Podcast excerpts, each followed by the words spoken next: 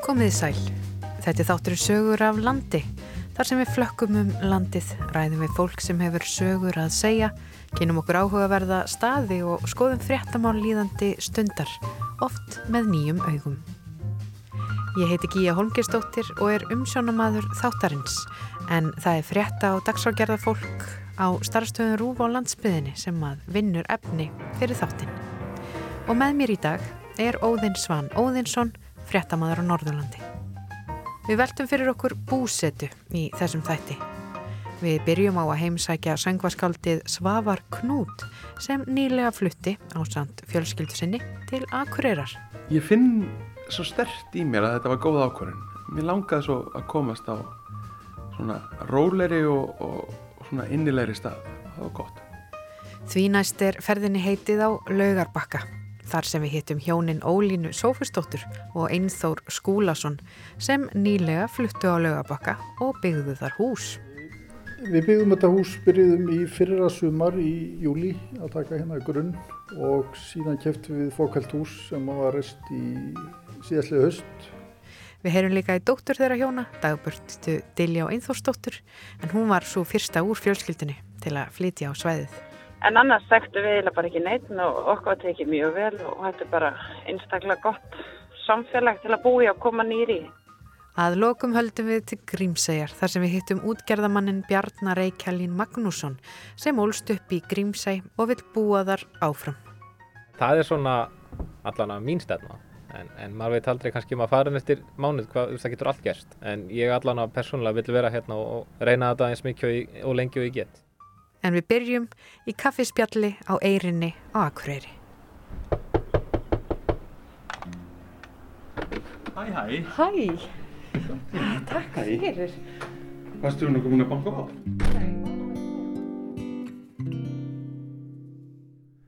Já, ég heiti Svavar Knútur og ég er söngvaskáld og bý á, bý á Akureyri núna. Og þú ert nýfluttur, þú og, og, og fjölskyldan. Hvernig gengur flutningarnir? Já, við rifum okkur upp bara í sumar og þetta gekk ótrúlega vel fyrir sig þrátt fyrir sko þegar fimm manna fjölskylda rífur sig upp eftir sko mörg ári í hlýðunum þá, þá er ímis hortna líta og ofbúslega mikil mikið fyrirtæki að flytja. En við náðum þessu í tveimur og hálfri ferð með svona, svona höldurbíl svona stóran svona flutningabíl setni ferðin var skrautleiri eins og fyrri eins og er því að þá að vera að týna allt allan afgangin og mam mamma mín sagði drjúg er innansleikjan það var einhver svona sem var sagt við hann í húnafstíslinni drjúg er innansleikjan og það var bara innansleikjan úr íbúðinni var heill trukkur. Já. Já, en hvernig tilfinning er það að pakka öll hún í kassa eftir að hafa búið á einhverjum stað í langan tíma, uh, sjá svo húsið eða íbúðina tóma og vera að fara eitthvað annað? Hvernig tilfinning er þetta? Það er svona blanda af létti og, og pínu sorg en, en sko ég ég hef alltaf verið dreifbílisstrákur, alltaf verið sveitastrákur. Ég er hérna alveg upp í sveit og hérna á óskaplega lítinn bakgrunn í borg og mér líður ekkit vel í margmenni þannig að það var alltaf á svona aftan í, í kollinum á okkur að, að flytja. Og, og löngu áður en að í rauninni við, við línei sko kynntumst og byrjuðum saman að þá var ég samt einhvern veginn alltaf að horfa svona út á land og býðandi eftir tækifæri til að komast burt. Vinnan mín öll, listavinnan og allt þetta var í Reykjavík og, og ba, sko dóttir mín og þannig að það var svona þetta var svona svolítið flóki fyrir mig að yfirgefa Reykjavík. En loksins núna þá bara svolítið létum við slag standa og það var alveg ég finn svo stert í mér að þetta var góð ákvörðin mér langaði svo að komast á svona róleri og, og, og svona innilegri stað það var gott Já. Og hvers vegna var það Akureyri fyrir valinu? sko það er, það er sko bæði flóknar og einfaldar ástæður Eh, bæði eh, verður að segja sko kona mín er hérðan, Línei er, er akureyringur í báðar ættir og, og alin upp hérna og þetta er bara svolítil heimkoma fyrir hana þó að, að sjálfsögðu hérna sé það ekkert eitthvað einfaldast í heimi heldur að því að hún er mjög um, sko, hámentuð í sínu fægi og það var ekki tækt að fara bara eitthvert með hennar mentun þannig að Akureyri var eiginlega bara svona mjög það var alveg rakið að koma hingað. Það bara passaði akkurat eins og flýsur rass. Já. ég er sjálfur svona ég hefði alveg fílað að fara bara til Hólmavíkur eða, eða, eða djúpavog eða eitthvað. En það kannski hefði verið flóknara sko í eh, já, að finna eitthvað sem hendaði öllum. Þannig að þetta var mjög góð millilending og, og, og góð, góðu sátta svona, sáttastaður og okkur líður mjög vel hérna á Eyrinni Eyrin er eiginlega bara svona svolítið eins og lítið sjávaþorp þetta er eins og að vera á flateri nema bara flateri sem er bara svona út í hotni á Akureyri. Ég fíla það alveg Hva, þið fluttuð, já, hvað eru þið búin að búa hérna lengi núna? Ö, við fluttum í júli og hérna fengum húsið í, í júni og bara svona máluðum og komum okkur svolítið fyrir og, og svo fluttum við í jú, júli já, og þannig að við erum bara búin að vera hérna í rétt rúma tvo mánuði. En það er bara virkilega, við erum virkilega sest samt og börnin okkar eru afskaplega ánæði í skólunum og, og allt einhvern veginn rennur svona ljúflega. Ég er bara hlakka til vetrarins. Ég hef alltaf verið mikill vetrarmaður. Ég hef alltaf sagt sko íslenska sumarið er svo svikult sko. Það, lofar og lofar og stendur svo ekki við neitt. En veturinn hins vegar, hann lofar engu og stendur við allt. Þannig að allt sem maður fær um veturinn er bara það sem hann gefur og þess vegna kemur hann oft svo skemmtilega óvart En aðeins bara að þér, eh, þú segist svona ekki vera borgarmaður, en hvaðan ertu?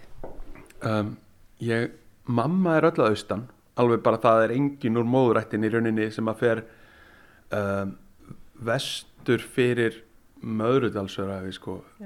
Eða herðubrei um, þannig að það er bara djúpivogur og, og borga fyrir eistri og jökuldalurinn. En pappa ætt svolítið flóknari þar er, þar er breyðafjörðurinn og vestfjörður aðeins og að miklu leiti fljótin Siglufjörður og Ólasfjörður sem er nú mjög nálægt hér og já, mikið af frænt fólki hérna í, í þessum að hérna á, á tröllaskaganum og á Íefirði en svo er svona lítill nabbi af ættinni sem að var úr Grindavík okay. langama var þaðan og hérna en restin er öll hérna norðan og austan En hvar ólst þú upp? Ég, við vorum óttalegir flakkarar lengi vel en við bjöggum sko, það er svolítið fyndið að þegar maður er barn þar sem maður býr kannski átta ár þar bjóðum maður bara þriðjunga æfinar og, og, og það verður bara þannig. Ég, við bjöggum í átta ár í skagafyrinum á skála og rétt hjá Hofsósi. Og þar ólst ég upp svona þú veist þessi mótunar ár Já. og við byggum náttúrulega líka á Stokkseri þegar ég var pínulítill og í Kópavogi en hérna en skagafyrurinn var svona bara það sem svona, svona klakstaðu fannar einhvern veginn Já. að hérna að elst upp í þessum fallega dal, skálardal í, í skagafyrði og hérna maður horfði alltaf út á Málmei og Drangei og, og, og, og bara fjörðin og indislega sólsetur hérna og ég veit ekki, þannig að ég, ég er, hef alltaf verið alveg opbóðslega tengdur bara sjónum og, og, og náttúrunni og, og ekki og, og, og, og þessu fámenni. Já. bara að það sé kannski kílómetri í næsta bæ en þar býr gott fólk. Og svo kílómetri hinum einu á hinn bæin og þar býr líka gott fólk. Og til að leggja til hliðar allar, allar svona hverstaslegar erjur þegar það kemur eitthvað upp og, og standa saman. Og mér finnst það svo fallegt sko, og þannig virkar gott samfélag. Samfélagi líður mér vel í það er samfélag fyrir mér. En tónlistin, hver eru svona þínar fyrstu minningar varðandi tónlist? Já, tónlist hefur alltaf verið bara í rauninni, ég, ég heyri miklu betur en ég sé einhvern veginn. Og þannig að ég verði alltaf fyrir miklu, miklu meiri svona hughrifum af tónum og hljómum og, og, og einhverjum svona hljóðheimum heldur en nokkuð tíman einhverju sem ég sé. Ég man, sko á mínu heimilega, pappi var rosalegu plötu kall og, og svona átti plötuspil og góðar græjur á, á þeirra tíma mælikvarða og eitthvað. En hérna og mamma hlustaði á mjög svona melodíska tónlist, Cat Stevens og Beatlana og það var líka mjög fallegt. Og pappi á meiri svona Yes og, og Emerson, Lake og Palmer eitthvað sem var aðeins ofar skilningi sko 5-6 ára stráks. Já. og War of the Worlds hérna, eftir Jeff Wayne sem að mjög svona svolítið svona hræðilegt sko að hlusta á mjög flott en, en hræðilegt. Og ég stundum hlustaði á þetta eins og maður horfir á hryllingsmynd sko. Svona ah, ah, ah, marsbúðarnir er að koma á nei. En ég held að svona stóra mótandi músík uh, stopnunin í minni æsku hafi verið prúðuleikararnir. Já, af því uh, sko eins, eins fyndið það hljómar, prúðuleikararnir ho ho ho, einhver svona litrika dúkkur sem að ég horfði alltaf á í svartkvítu sjónvarpin, ég sá það samt alla í lit af því að barnshugurinn bara bætir þetta upp, bætir upp litaskortin með, með því að bara já, körmit er græn, það er bara þannig að synga er bleik, skiptir einhver máli þó að sjónvarpin sé svartkvít en þeir unnu svo sko Jim Henson og, og hans hópur þessi frábæri hópur sem stóð að prúðuleikurunum þau vönduðu sér svo mikið við tónlistina og í hverjum einasta þætti eru tvö, þrjú tónlistaratriði sem eru bara ótrúlega flott og vel spiluð já. það var alveg vel spilandi hópu tónlistamanna sem, að, sem gerði lögin í þáttunum En, en, en fórst þú þá að læra strax á hljóðfærið og hvernig ítti þetta svona, já, að þú fórst að spila og syngja og, og, og gera sjálfur tónlist? Sko, mamma og pappi og sérstaklega mamma lagði opbóslega mikið upp úr því að við læriðum að hljóðfæri strákarnir. Já. henni fannst það að vera svo sko, þetta var eitthvað sem bæði hún og pappi fóra misvið því að þau kom úr fátækari fjölskyldum. En henni fannst það vera sko í rauninni gríðarlega til marksum bætta tíma og, og betri efni að við leifðum okkur og fengjum að læra á hljóðfæri og að við erum, og vegna þess að henni fannst það vera svona eins og að læra annað tungumál hreinlega sko, að kunna sp- spila á hljóðfæri, þetta gæfi manni svo mikið. Og, og það, ég fann það bara strax, þetta var eitthvað sem ég langaði til að gera. Og bróðir minn, ég lærði á píano, bróðir minn lærði á gítar svo, svo svona fór hann að hugsa um aðra hluti, kefti sér skellinöður og eitthvað svona og hitti stelpur og, og þá var gítarinn bara eitthvað út í hotni og ég, ég fór eitthvað að leika á hann. Svo fór ég í skátana og, og eitt lit af öðru og, og maður bara svona spilaði og spilaði og spilaði þá getur maður allt í norðin ágættur á gítar og, Já. svo fór maður að þú veist, nota, nota tónlistina sem tæki til þess að glíma við missi og sorg og, og semja lög út úr því og, og fólki fannst þau lög góð og, og baði mig um að syngja fleiri og, þá samt ég fleiri og, þá var allt í henni komin plata og heyrðu, getur gert aðra svona og þá var allt í henni bara komin ferill um, og maður var að hætta í dagvinnunni sem var óbúslega stór ákvörðun og skrítin Já. 29 ára bara eða 30 bara eitthvað að hætta í dagvinnunni sinni. Var það erfið ákvörðun að verða tónlistamæður? Já, já, rosalega, býttu nú, við, hvað var ég gammal þegar ég hætti dagvinnu? Ég var 32 ára fyrir ekki. Hvaða dagvinnu varst þú í? Ég var, ég hafði unni sem bladamæður á mokkanum, ég hafði unni sem svona félagsauðs ráðgjafi, sko, svona social capital Já. hjá Reykjavíkuborg og forvarna starfi, en, og, og svona, nú erum ég að hella kaffi hérna, á ég að bæta á þig? Endilega. Þetta er gott kaffi. Já, heyrðu, þetta er svartur rúbín og það er sko leyndamálið það, tengdapappi, hann bjóð til þessa uppskrift, að, að, að, þessa mölun, Já, já. þegar hann var framkvæmdastjóri í Akureyrar hérna kaffið. Já, þetta er bara uh, bóna fíti akkurat kaffið. Hefur, hvað vorum við aftur að tala? Já, vinn, já, ég var að vinna alls konar störf og skemmtileg og gefandi. Mér fannst ég alltaf vera einhvern veginn, það var eitthvað skrítið. Ég held að svona þegar ég lítið baka þá náttúrulega, ég var ekki greindu með ADHD, eða ADD, svona aðteglisberest en ég er það núna og eftir að ég fekk þá greiningu og, og stuðning sem að maður þurfti eftir það þá, þá hugsa ég, já, heyrðu, ég hefði kannski bara geta verið áfram blaðamaður eða, eða í þessari ráðgjöf sko af því að, af því að það sem að var að hamla mér var kannski ekki, þú veist, að ég væri vitlaus og, og rugglaður heldur, heldur bara hreinlega aðteklisbrestur en, en já, bara tónlistin tók bara yfir. Og það var bara hvað, 2008 þá rétt fyrir það var bara kortir í hrunn, þá hætti ég í vinnunni. Og þú hefur starfað sem tónlistamæður síðan. Já, já, það bara hefur gengið. Þú veist, það hefur gengið upp og niður en, en einhvern veginn, maður er bara sjálfbær og ég hef aldrei tilhert neinum hópi eða klíku eða nei, neinum svona já, aldrei passa almennilega inn en þetta virkar, fólk einhvern veginn hefur bara passað vel upp um mig og, og samþykkt mig Já. Þú ert búin að halda eina tónleika núna hérna á Akureyri síðan þú fluttir er það ekki, Jú, í listigarðinum og, og þar varstu að, að kveðja sömarið, fagna hustinu og það eru röglega engin staður fallegri á Akureyri í höstlítunum heldur en listigarðurinn. Hvernig gengur þessi tónleikar og hvernig svona, já, gekk að kveðja sömar og, og, og koma með höstið? Það gekk bara alveg vonum framar. Sko, mætingin var alveg, ég átti ekki vona svona góðri mætingu. Þetta er svona lítill og notalegur innilegu staður og opbóðslega óformleg stemning og ekki svona, það var eng, enga væntingar um, um neitt stuð og ég, mér þykir svo væntum þegar fólk kemur væntingarlaust á tónleika og, og fer út alveg, og allar væntingar þess hafa verið uppfyllta en það, og fer út glatt.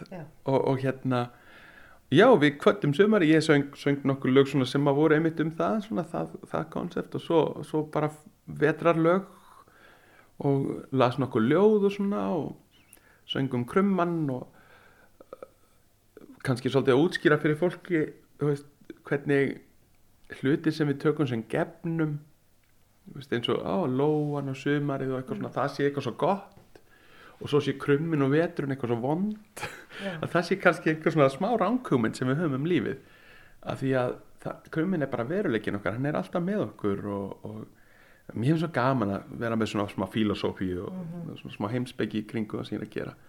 Fetar svolítið í fótspor, Davíð Stefánssonar, hann Já. var nú ansi krumma neyður. Já, ég held, ég held að krummin sko, við, við krumma vinir sko, við erum nokkrir, þó nokkrir sko. Og það, þegar maður hefur heyrt krumma syngja þá einlega það kem, fer maður ekki tilbaka. Þá, þá, þá er maður ástfangin á hana fyrir lífstíð. Því að þegar, þegar krummi syngur það er bara með fegustu tónum sem að maður heyrir. Það er ekki hó hljóð það er svona dó hljóð svona, svona næst, sko næstum því eins og svona messosóprana hitt upp. Og, og hérna það er hre- hre- hreint undur. En, maður, en, maður, en þeir gera það ekki hvar sem er krummar, þeir hérna þeir finna sér staði, það er svona staðir með góðum óm og þeir spegla sig í ómnum þeir syngja inn í, inn í svona olíugáma eða, eða svona olíugeima eða, eða í, í giljum, svona fallegum giljum með miklu bergmáli þar getur stundum heyrt krumma syngja sko. það er alveg stórkoslegt Hvað er svo framönda hjá þér? Nú ertu komin hingað til Akureyrar.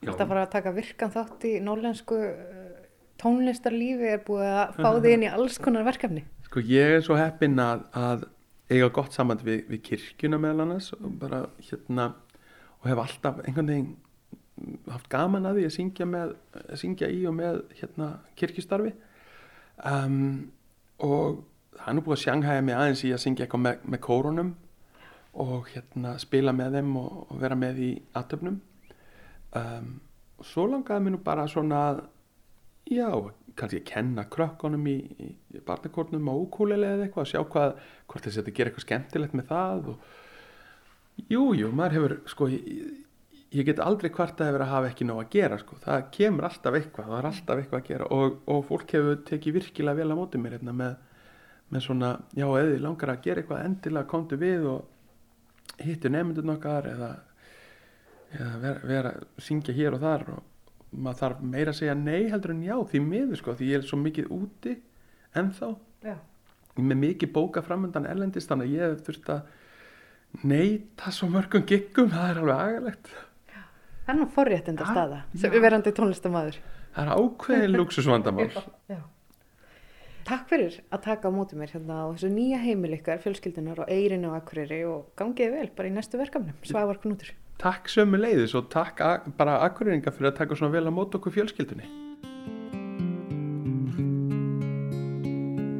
Rætt var við söngaskáldið Svavar Knút sem er nýfluttur til Akureyrar. En því næst bregðum við okkur í heimsók til hjóna sem eru að austan en fluttur svo til Noregs en eru afturflutt til Íslands og ákváðu þá að byggja sér nýtt hús á laugabakka. Halló, er það Ólína? Já. Sælvertu. Gíja hérna. Ég heiti Ólína Sofustóttir og er hjúkrafræðingur og fætt og uppalinn á Norrfyrði. Og ég heiti Einþór Skúlason, ég er rafverki og hérna kem austan af héræði. Og við setjum hérna í nýbyggðu húsi á laugabakka og það er nú ekki, já það er nú svolítið síðan að, að það hefur verið byggt hús á laugabakka. Hvenar, hvenar byggðu þetta hús? Ég, við byggðum þetta hús, byrjuðum í fyrra sumar í júli að taka hérna grunn og síðan keftum við fókælt hús sem var reist í síðastlega höst og síðan var bara haldið ánfram með að byggja þanga til við fluttum inn núna um páska. Eh, Við fluttum heim frá Nóri í desember, komum þá hérna á, á laugabakka og hafðum fengið leikt í félagsemilinu til að byrja með með við værum að innrétta húsið. og ég hlakkaði óskaplega til að fara á fyrsta þorrablóti hérna en því miður þá var, var ekki þorrablót því að ég sá alveg fyrir mér að ég hefði getað gengið bara, bara uppstígan innan hús og beint á þorrablót búandi í kjallaranum en því miður það, það var aldrei svo leis.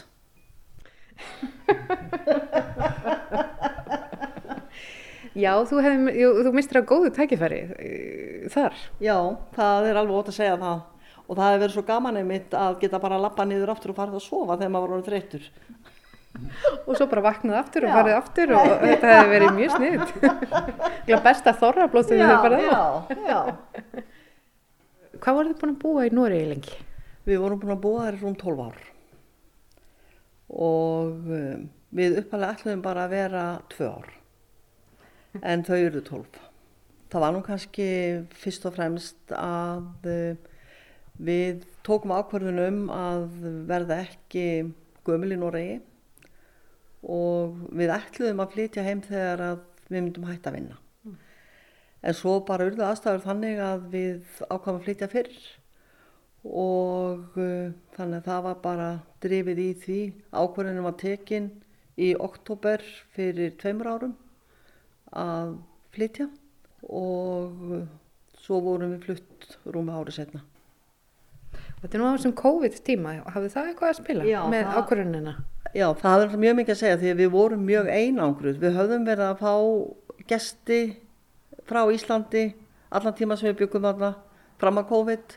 Fjölskyldan hafði verið að koma, börnin okkar, barnabörn og svo allt í einu þá vorum við bara alein. Já. Og uh, það, var, það var náttúrulega mörguleiti mjög erfitt. Þannig að það spilaði líka inn í þessa ákvörðun. En uh, það breyti því ekki að tíminn úti var auðvitað mjög gefandi og, og lærdómsríkur og, og afskaplega ánægulegur. En það er uh, náttúrulega mjög gott að vera komin, komin hingað og kannski að fá að vera þáttakandi í lífi barnabarnana. Þannig að þið ákveðið að koma til Íslands aftur og þið setjast yfir landakortið og ákveðið staði hvar þið ætlaði að búa og laugabakki var fyrir valinu.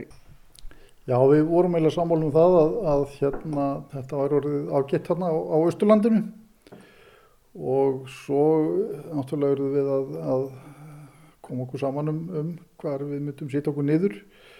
Vorum ekkert sérstaklega spennt fyrir hérna þéttbílinu eða borgarlífinu og e, nú endanlega ákvörðum var að við töldum okkur bara vera nokkuð miðsvæðis hérna á, á laugabakka þar sem við erum já, mitt á milli Akureyrar og, og Reykjavíkur til dæmis. En þekktu þið einhvern á laugabakka áður en að þið, eða á svæðinu í rauninni, áður en þið tókuð þessu ákvörðin eða bara komið þið bara alveg uh, þekkjandi engan inn í, inn í samfélagið? Uh, ja, við vorum, þekktu náttúrulega ekki neitt til hérna á svæðun en, en sýstir mín er búsett hérna eh, og í, og í sömu götu og við byggðum. Og síðan er dóttur okkar, hún er búndi hérna skamt frá, það er bara í nokkra mínútna ekstur fjallæð á Urriðá og, og hún býr þar á samt eh, sínum samfélagsmanni og, og þau eiga tvö börn og þeim bara bauðst að kaupa, kaupa jörð þarna og, og ákvaða að slá til og hérna og, settu sér nýður þarna og búa, búa þar með, með fjárbúskap. Og takið þið virkan þátt í búskapnum? Það var í, í sjálf og sér þannig að frá því að þau byrjuði þá komum við hérna heim á hverju vori og vorum í tvær vikur með þeim í, að, að hjálpa til í, í söðbyrði og svo var það ekkert lengur eftir að, eftir að þessi, eftir að COVID var komið. Þannig að, þannig að það, þannig að, að já, við, við vorum allavega virkið því og, og svo eins á sumrið þegar við komum að þá reyndum við að hjálpa til í herskap og því sem að þurft að gera. Já. Og, og já, já, tökum þá þátt í því núna eftir að við erum flutt.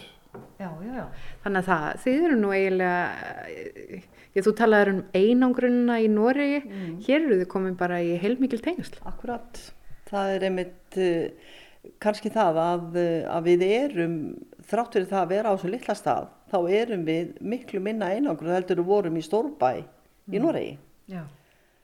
Við heyrum næst í dóttur þeirra hjóna, henni dagburtu Diljá, sem að býra á manni sínum og börnum á bænum Urriða á í miðferði, þar sem þau reyka söðfjárbú. En rifjum fyrst upp frétt frá því í byrjun heimsfaraldursins. Dagbjörn Diljá Einþórsdóttir er einn þeirra 32 sem greindist með smiti í sveitarfélaginu. Einkennin voru væg fyrstu vikuna. Svo svona á 7. 8. degi þá fór ég að finna meira og, og það var sérst svimi og ógleði og, og þarna ofbáslega svona máttlaus. Bara stóð ekki undir sjálfum mér stundum, suma daga. Bönni mín voru búin að vera veik vikuna áður en við letum ekki taka test úr þeim og þarna En maðurinn minn, hann veiktist ekkert, en hann var að vísa búin að vera mjög veikur í feb enda februar og með nákvæmlega sömu enginni, en það var svo sem aldrei vita hvort það væri þetta, COVID eða ekki. Hún segir líklegt að öll fjölskyldan hafi smittast. Róðurinn var þungur á meðan veikindunum stóð. En það sem ég fannst erfiðast var að vera kannski inni með börnum því að það var mikið úti á honum og hann þurfti mikið að vera úti þannig að ég var allt, svona mikið inni einn með börnin og það var erfitt því að þau voru er, er, pyrruð að vera ekki í leikskóla og þarna, erfitt að hanga bara inni allan daginn. Einangrunin var mikil og andrumsloftið þungt í samfélaginu. Hvort sem var innan sveitar eða þegar komið var í kaupfélagið. Það var einhvern veginn svona, þetta líka þessu svolítið við hálgjara jarðaför. Því að maður kom þarna og enginn engin þarf að tala saman og, og, og hver og einn, eða hver horf, já, fólk horfðu hvert á annað og já, við segum ekki alveg hvernig það átt að vera held ég. En þetta var mjög sérstaklega að, að, að fylgjast með því þegar sérstaklega þessu úrvinnslu sótt því var í gangi að þá sá mann ás bara ekki bíl á forðinu. Og venjulega er mjög mikill samgangur á milli bæja þannig að það kom náttúrulega enginn til okkur heila mánuð. Hún sér ekki eftir vetrinum. En þetta er bara kannski aðalega svona andlega hliðin. Maður er svolítið þreyttur, lang, lang þreyttur af veðri og, og veikindum því að þetta er annarkvæmst verið rosalega leiðilegt veður eða mikil veikind á heimilinu og reyna áður en þetta COVID kom þá var mikil veikindi frá áramótum og, og þarna, þetta var svona alveg til að toppa þetta allt sko, að fá þetta COVID svo ofenni allt hitt. Þannig að kannski gott að taka mútið sumrinu? Já, ég hafi verið gott að taka mútið sumrinu og vonandi bara verður þetta gott sumar og grær vel og, og sprettur vel. Ég sló að þráðin til dagbjartar og forveitnaðist um hvernig hún hefði það og hvernig hafi verið að fá fóreldra Halló. sína svona nálagt. Já, hæ, hæ. Ertu að keira í vinnuna? Já, ég er á leiðinni í vinnuna. Ertu sem sagt sögfjörbóndi og svo vinnur inn á Kvamstokka líka? Já, ég reynda hef ekkert verið að vinna neitt fyrir utan bús í hátt í þrjú ár en svo þarna tók ég að mig núna í haust að vinna í sláturhúsinu Já. svona ykkur að dag allavega og þannig að ég hef ekki verið að vinna neitt fast allavega síðust þrjú ár, ég hef verið að taka svona eitt og eitt verkefni að mér. Getur þú sagt mér hvenar þið fluttuð þarna í miðfjörðin og af hverju völdu þið að flytja þangað? Já, við sagt flytjum, uh, flytjum haustu 2014 en tökum við búinu áramótin 2014-15. Uh, það var nú svo sem bara, við fréttum af jörðinu og, og þarna ákveðum að heyra í, í manninum sem fyrir ábúndum og, og hann var semst, að hugsa um að selja, hann var ekki búin að auðlýsa jörðina. Svo bara náði við svona vel saman og, og þarna, við vorum með þeim allt sumarið í heiskap og, og haustinu að velja lömpinn og smala og svo fáum við bara um haustið, seint um haustið semst, fjárvettingu að við getum fengið að kaupa jörðina, fáum fjármagn og, og þarna, þá bara stökkum við til. Og takið þið við bústofnunum sem að var fyrir á bænum? Já, við tökum við bara Þóra Sigvalda, tökum bara við öllu og, þarna, þau flytja suður og þarna, já, svo hefur við fjölga pjönur svolítið síðan við tökum við, fjölgum svona jæft og þétt fyrstu árin. Þið höfðuð enga tengingar á þetta svæði áður en þið fluttuð ánga. Hvernig var að koma nýr inn uh, í, í sveitina? Hvernig var eitthvað tekið? Uh, okkur tekið bara mjög vel. Við, sem, nei, við þekktum eiginlega ekki neitt. Ég átti frekk á lögabakka, sýstir ás pappa, hún bjóð lögabakka, þannig að maður hafði svona, maður hafði alltaf eina, eina konu sem maður þekkti. Og, en annars þekktu við eiginlega bara ekki neitt og okkur tekið mjög vel og þetta er bara einstaklega gott samfélag til að búi og koma nýri. Er, það var aldrei neitt og aldrei neitt hík á okkur áður en við ákveðum að flytja, að flytja, flytja hinga því að maður hugsaði einhvern veginn aldrei út í að maður hefði ekkert bakland því að maður einhvern veginn var svo ákveðin í að flytja sveit að gera spondi.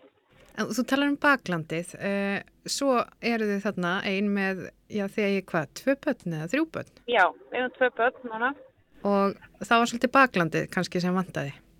Já, maður svona fór að finna það eftir að við fórum að eiga börn. Þá þarna, þetta var allt í lagi fram á því því að maður alltaf, það rettaðist alltaf einhvern veginn með smalamennskur og, og aðra hjálp. En svo þegar börnin komið þá fór þetta að vera svolítið flóknara og, og þarna, sérstaklega þegar þið eru svona lítil þá getur það ekki alltaf, hafa ekki alltaf tölum að vera með okkur í öllu og sumi verkefni er bara ekki tægt að hafa með í. Og þá fór maður að finna það að maður var svolítið einn og þarna en svo sem maður fekk, gæt fengi aðstofn að leita eftir en það var bara öðruvísi að að leita eftir aðstof hjá okkur um öðrum en fjölskyldumöðlum og maður svona kann ekki alltaf alveg við það enda löst. Nei, nokkulega. En, en svo kemur COVID og það var ansi, já, skall svolítið harkalega á þarna á kvamstangu og í, sveitunum þarna kring um, og þú fegst COVID og já. varst bara hundlasinn uh, og þá varst ekki með neitt bakland. Hvernig var þetta tímabill þegar þú lítur svona tilbaka? Já, þetta var náttúrulega bara mjög erfitt. Ég var með einþór yngra barnið mitt þryggja mánuða þegar ég fæði COVID og hann var búin að vera mjög erfiður fyrstu þrjá mánuðina þannig að svo kemur þetta ofan í og við þarna, vorum öll mjög veik og, þarna, og það var líka undan COVID var hann búin að fá einhverja test sem var mjög slæm sem lagðist mjög þungt á alla En ég raunin sjálf var kannski ekkit mikið veik af COVID en, en svo tóku svona eftirkostin við nokkur mánuðin setna og, og ég hef bara ennþá vera, er ennþá að vinna úr þeim. Það var bara, var mjög erfið tími. Svo síðustu þrjú árin þau hafa verið Tekið aðeins á. Og þú ert ennþá að klíma við þessu eftirkost, eða hvað? Já, ég held alltaf að ég sé búin að ná bata en svo að bankar þetta alltaf upp aftur en, en þetta, þetta er ekki jafn slept á þetta var en þetta samt, gerir alltaf varð við sig við sig inn á milli. Og það er ekkert hlaupið að því að, að fara frá heilu söðfjarbúi og börnum og svona? Nei, raunin ekki. Svo, þetta var nú kannski svona fyrir, mest álægi fyrir tveimur árum það ákveði að byggja ný fjárús og þá var ég semst, mest, mest slöpp á þeim tíma þann vetur 2019 og þarna 2019-2020 þá var ég svona mest uh, lengst niður einhvern veginn fannst mér og, og bara og þarna, verkinu bara alveg óbærilegis þá sá ég svolítið um búið og krakkan alveg og svo var maður alltaf með mat og annað fyrir fólk sem var að vinna hjá okkur og þetta var bara alveg mjög erfitt af því að þá hafði maður einhvern veginn engan til að hjálpa sér heldur með neitt. Maður þurfti bara að standa vaktina og, og býta, býta á jægslun Já. En svo flytja mammaðin og pappi heim, uh, var það sem sagt svo ákvörðin að þau myndi flytja þarna lögabakka, tengdist það svolítið já, að þið byggu þarna og vantaði svolítið bakland? Já, ég held það nú. Mamma er alveg búin að fá ófá símtölum frá mér að maður er alveg sér ekki út úr, sér ekki út úr þessu, þannig að vantar svo hjálp og, og eitthvað, eitthvað aðstof og þannig að alveg látið við vita því að maður vildi hafa þau nær En þetta kom mér náttúrulega mjög mikið óvart að það skildi flytja hingað og þannig að ég ætlaði ekki alveg að trúi sem fyrir við vorum bara komin. Já. Það væri bara það að skilja og þetta er alltaf breytt lífin okkar alveg gífilega að hafa eitthvað bæði bara uh, geta farið heimsótt, haft eitthvað náinn sér og, þarna, og svo auðvitað með börnin að þau eru alltaf búin og búin að aðstofa okkur að passa þau og, og hjálpa okkur líka í sambandi við búskapin og heimilin. Og þau byggðu þarna hús á lögabakka sem hefur náttúrulega ekki gerst eh, bara í manna minnum nánast, ég segir það nú ekki alveg en, en það er langt síðan. Eh, hvernig svona var umræðan í samfélaginu um að þau var að byggja hús þarna? Fólki fannst þetta náttúrulega bara mjög sérstakt að þarna, það væri eitthvað að fara að byggja hús þarna og sérstaklega fólk sem væri alveg ótengt þessu samfélagi og en, en auðvitað bara allir mjög ánæðis. Ég heyrði bara ánægi og, og fólk væri spennt að fá nýtt fólk á staðin. Eh, nú hafið þið fjölskyldan svolítið upplifað að koma inn í nýtt samfélag, flytja og, og koma inn í nýtt samfélagið. Hvað, svona, eh, hvað er gott að hafa í huga þegar að fluttir í, í alveg svona ný samfélag þar sem að, þar sem að maður hefur enga tengingar? Ég held sér bara að taka öllum með óttnum örmum og, og þarna, ekki mynda sér skoðun og neinu fyrirfram, bara þarna, reyna að læra samfélag og læra fólki í kringum það. Já, það er búið að vera ótrúlega gaman að koma inn í heimsótt til ykkar í þetta nýbyggða hús á lögabakka. Takk fyrir að taka á mótið mér, Ólína og Einþór. Takk sem leiðis. Takk sem leiðis. Rætt var við hjónin Ólínu Sófustóttur og Einþór Skúlason og dóttur þeirra, Dagbjörtu Diljá Einþórsdóttur, um hvernig það er að flytja í nýtt samfélag. En næst er ferðinni heiti Norður til Grímsæjar. Óðinsvann Óðinsson hitti þar ungan útgerðamann með stóra drauma. Ég heiti Bjarni Reykjælín Magnússon og er útgerðamadur. Bjarni, nú erum við statir hérna á speil slettum sjónum hérna við, við Grímseg. Þetta er nú ekki alltaf svona? Nei, þetta var svona hverjum degi, þá var ég ríkum maður. Það er ekki alltaf sem er þetta að fara að sjó það veðri. Hva, hvað ertu gamall, Bjarni? Ég er nýlega orðin 24 og hérna þetta er sennilega verstar sumar sem ég man eftir hérna viðfarslega sín ég á krakki. Hefur alltaf verið með þennan sjómanna áhuga? Frá því við bann þá hef ég alltaf haft mikinn áhuga á bátum og fiskveðum og vélum og dóti en, en ég byrjaði ekki til sjósverðin, ég keipti mér bát þegar ég var uh, 21 árs. Það verður nú að tellja samt nokkuð ungt eða ekki svona á, ef við horfum á þetta á landsvísu, þú, þeir eru nú yfirleitt eldri trillukallanir. Þetta er yfirleitt allt saman gamli skarvar. Er, við erum sárafáir svona ungir sem erum að brasi í þessu. Þetta er ekki auðvelt að komast inn í þetta sem, sem ungum maður nema að þú sérst að erfa þetta eða komast taka við af ættingum eða fóröldrum eða einhverju svo leiðis. Hvernig lendir þú að verða útgerðanmaður 24 ára í Grímsi? Um, þetta var í raun og veru eina sem ég gæti gert hérna ef ég ætlaði að vera hérna áfram. Það var í raun og veru ekkert annað atvinnutækifæri og, og já, í raun og veru ég hafði ekkert að sækja, það var enginn minn í svona litlu fjölskyldu í, í þessu og, og, og enginn önnu vinna fyrir mig að hafa, þannig ég svona neittist til að gera þetta.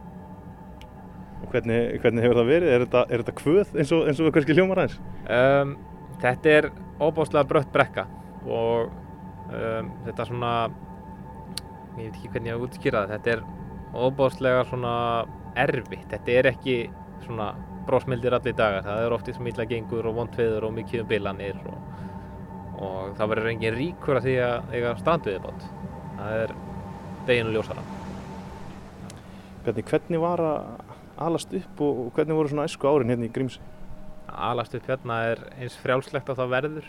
Þetta er mjög æðislega minningar hérna sem krakki. Þetta er alltaf jú í svo sem mikil innilokun hérna á sérstaklega við veturinn en, en svona frjálsræð og kannski gert það sem þið dætt í hug og, og það ert ekki að passa þið þá kannski þú varst 15 ára eins og kannski þekkist annar staðar en, en þetta var svona voðalega þægilegt í alla staðið. Maður gæti verið út hérna daginn að gera það dætt í hug og og fekk svona að gera annað sem að krakkar annar staðar uppliðu ekki. Þú veist, þú fekkst að vera með vinnunni allan daga hvernig sem þú vildir og, og, og gæst verið í hverju sem er. Þeir leittist aldrei, það var alltaf einhvað sem varst að gera. Og, og svona sennilega einn til svo skemmtilegasta minning sem ég á hérna er að við byggðum kof, okkur kofa hérna við tjött sem er hérna og það setti engin eitt út á það og allir til að hjálpa okkur og lána okkur nagla og, og verkværi og það sem við vildum þegar vorum 7 ára. Þetta held ég að þú upplifur hverjir annar staðar. Var þetta stór krakkahópur svona á þínum aldri sem, þú leggst þér við á þessum árum? Nei, við erum svona fjóri strákar svona á, á svona mínum svona nánasta aldri en það var rosalega mikið yngri krakkar og eldri krakkar saman en, en við vorum tveir ábúrslega góði vinnir hérna alla tíð sem eru jakkamlir og vorum mikið saman. Fórstu snemma útalar um að þú hefði farið með pappa ennum í vinnuna, fórstu snemma til sjós? Nei, ég get nú ekki sagt það. Pappi átti eins bát á ég þegar ég var lítill og ég fekk að fara nokkru sinnu með og, og síðan kom bara bankarhund og hann seldi svona til þess að sleppa undan þessu og, og ég hafði ekkert farið á sjó fyrir henni kefti mig bát að neinu ráði þar á milli. En uh, lífið hérna í Grímsi núna, hvernig, hvernig er lífið núna? 24 ára útgerðamæður, hvernig er að vera hérna? Mér finnst rosalega gott að vera hérna. Það er svo sem ekki eins og séu brjáli útgjöld, maður er ekki að fara í sjoppa á hverjum degi en, en, en hérna, þetta er voðalega svona rólegt og, og, og þægilegt. Það er öðru að búa hérna en annar staðar, svona, sjá hlutina þess fyrir fram og þú verður svona að vera svolítið næjusamur til að geta verið hérna. Það er rosalega erfitt að geta ekki fara út í búð á miðnætti eða í ríkið á hverjum degi eða er þannig. Það er síðan einu lokkunin kannski ef þú ætlar að komast í land þá getur ekki farið í fjóra-fimm daga bara því að það er ekki fært út af veðri fyrir ferju eða flug. Þetta er svona svona svo verið mjög afskrektur í sveit kannski. Er það eitthvað sem að þú lítur á sem kost eða galla þessi svona þessi staðsending hér og þessi svona já að, vera, vera svolítið innverðina? Um, já, uh, ég hefði haldið að það væri svona fleiri kostir frá mínu sjónarhóttni að, að hafa þetta svona. En af sjálfsög eru margir ókostir, þú getur ekki þannig séð aðra, aðra hlið þannig, það er rosalega margir ókostir að vera þetta á sjálfsögðu. En ég sætti mig við á hverjum degi að því ég er þakkláttur fyrir kostina. Mjög svo. Og það er líka, maður getur aldrei verið lengi í burtu af því að maður vinnur í sjálfum sér og maður er bundin í vinnunni og það er svo bara fyrir fóröldra mína, þau geta aldrei farið nema ég sé þetta, svo ekki tilleistu af Þannig að þið farið ekki öll saman til Tenerife? Nei, það hefur ekki gæst lengi. Hvernig er samfélagið hérna núna? Nú heyrir maður alltaf fréttir svona, ég heilir mér að segja bara neikvæðar fréttir, það er alltaf að fækka, skólinn lokar. Hvernig er staðan hérna núna 2022? Það er svart framhaldið þannig. Það búið að selja nánast hvert einasta kíló á kvóta hérna og börnin fáið sem að eru hérna, þau eru í skóla á Akureyri yfir veturinn og, og það eru fáið barnafjölskyldur hérna í dag, búið að fækka mjög hratt síðustu tíu ár og áframhaldið er í sömu átt því miður. Persónulega myndi ég vilja það væri hins einn, það væri að bætast við fólk hérna og, og börn og, og allt það. Um, það er kannski svolítið erfitt fyrir mína kynslu að búa á svona stað þegar þú þekkir það ekki. Það er rosalega erfitt að flytja hingað kannski með tvö ung börn og 25 ára úr Reykjavík. Það er rosalega erfitt að, að aðlagast svona þegar þú tekkir ekki neitt annað en bara að búa í Reykjavík. En þú kannski skilur það að, að fólk sé ekki að horfa hingað sem svona búsettur staði fyrir fjölskyldum? Já, ég skil það 100% en, en ég var óslátt aðgláttur ef einhver myndi leggja það á sig að vilja vera hérna því að, að fólk tala mikið um að myndi vilja búa hérna en, en ef það verð ekki þessi og þessi og þessi ókostur sko. Þannig að kannski það er eitthvað sem við getum lagað hvað veit maður. Heldur að þú talar um þessu, þessi, þessi ókostur, hvað er það svona helst sem að þú heldur að aftur fólki frá því að koma og setjast í náða sem fallegast það? Það er náttúrulega, í raun og vera að fólk get ekki bara kyrt í bæinn, það er líka það, fólk þarf að fara í ferju og það eru náttúrulega margir sem eru sjóeikir og þessi ferju okkar er nú ekki að fá marga fiska þannig að það er svona ekki fyrir hvert sem er að fara með henni og, og, og ég mun að það er dýrst að fljúa með fjóra-fimm manna fjölskyldu. Og síðan er það bara fólk verður að hafa vinnu, það er, ég er ekki að sjá vinnu hérna fyrir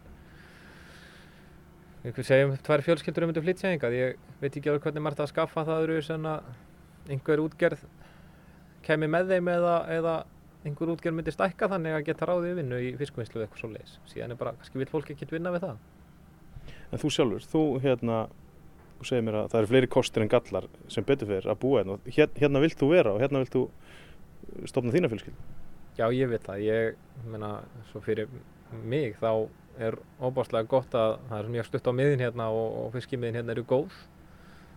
Og persónulega langar mér að byggja upp alveg útgerð hérna en, en það er kannski ekki beint uh, hendugt eða ég veit ekki hvernig ég get útskýrt að hvað er erfitt að byggja upp útgerð og eigin spýtur á þessum aldri þegar kerfið eru nú bara býður ekkert upp á það.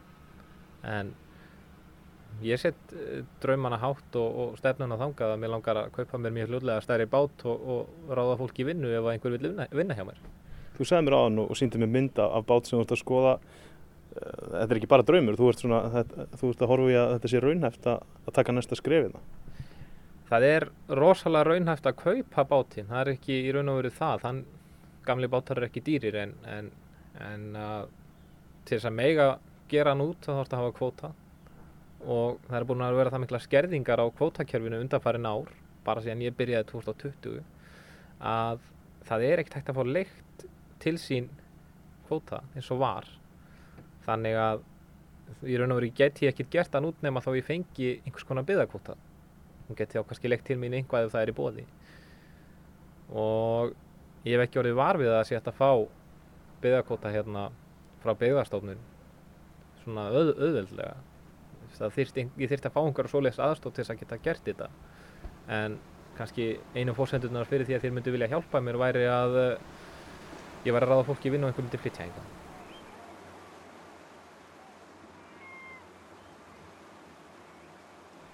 Hvernig er svona venjulegu dagur hérna hjá þér á, á, á trillinu sem við stöndum í núna? Um, það er að ræsa hátsetan, það er svona dagur að byrja þar og séðan bara að fá sér að borða og, og, og leipa hundinum út að byrja svo, hann getur fengið sér, eða sér klár til að vera heima á meðan við erum á sjó séðan bara farið og maður tilkynir svo úr höfn og, og svona yfirleitt ef maður er ekki fyrstur þá ringir maður í þá sem eru hvort það sé eitthvað að frétta hjá það, hvort þeir séu, hafi orðið varfið eitthvað fiskir í og ef ekki þá maður er ákveða hvert þú ætlar að fara. Það er svona það er rosalega gott allan að vera ákveð þannig að maður sé ekki rúndandi um allan daginn eða bara olju Eru aðrir trillukallar, er þetta svona samheldin hópur, eru menn að segja frá því hvar fiskurinn er eða liggja með náðu eins og ormar á gulli?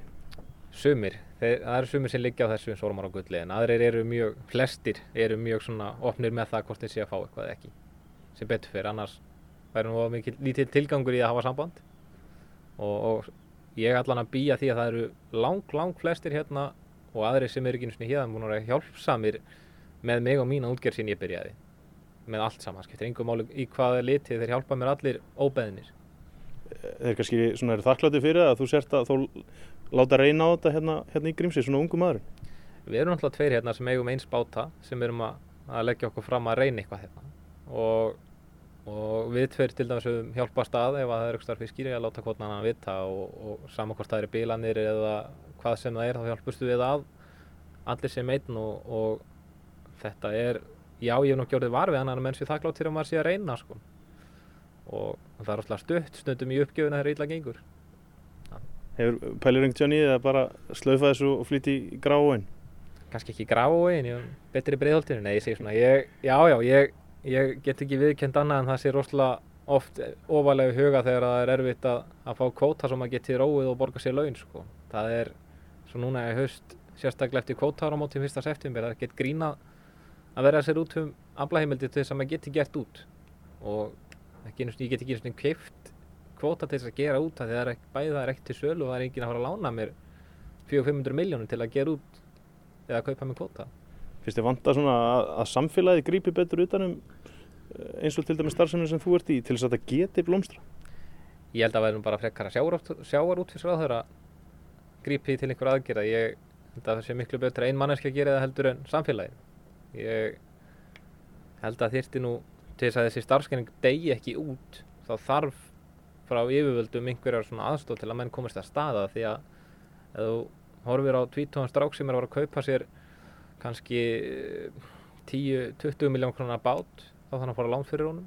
Og það er ekki þessu húsnæðisláni þú ert að eiga, mann ekki hvort það er 40-60% til að fá lána fyrir honum. Það er enginn svona ungur sem á svona peninga og fara að eigða svona peningum í bátfrekar en húsnæði á þessum árum. Þannig að ég er alveg á þeirri skoðun að, að uh, það þurfi einhvað að grípa inn í til þess að þessi starfsgöng degi ekki út. Þú sagði mér að fyrsta verkið þetta mótnan að vera að vekja hásitan þú þarf ekki að fara langt til að, til að segja hann. Nei, nei, hún liggur hliðan á mér og, og það er rosalega stutta í tíana sem betur fyrir. Ekki nenni alltaf að standa upp á mótnan ég vakna. Þannig að þeir eru saman í þessu? Já, hún, hún er búin að róa með mér í sumar kærasta mín og, og búin að vera alveg óbóslega dögleg. Það er ekki allir sem eru 1,60 og hæðu og geta rifið inn fyrir 20-30 kíló fiska með hannari hendi. Nú tala oft sagt að maður er ekki að vera of mikið með makanum sínum. Þeir eru saman í vinnunni hérna út á Ballarhafi og svo heima. Er þetta ekkert, farið ekkert að rýfast hérna um, um borðið í bátnum? Nei, ég... Sambandi þarf að vera gott.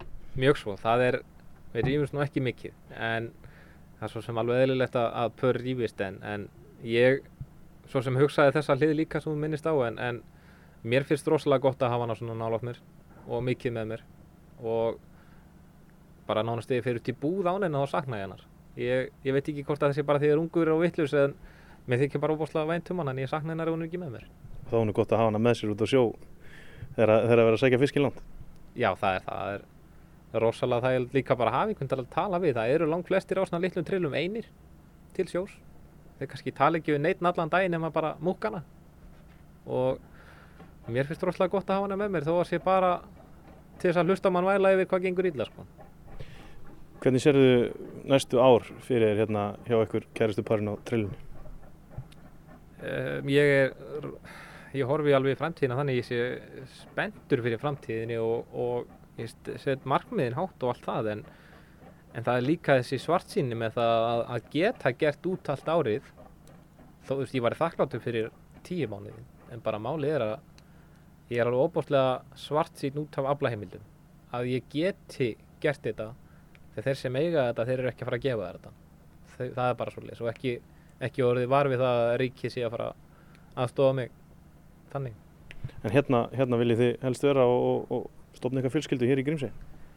Í allána ég, ég er svona, við hefum ekki alveg rætt þetta nógu vel en, en það er svona allána mín stefna en, en maður veit aldrei kannski maður farin eftir mánuð hvað það getur allt gerst en ég allána persónulega vil vera hérna og, og reyna þetta eins mikið og lengi og ég get.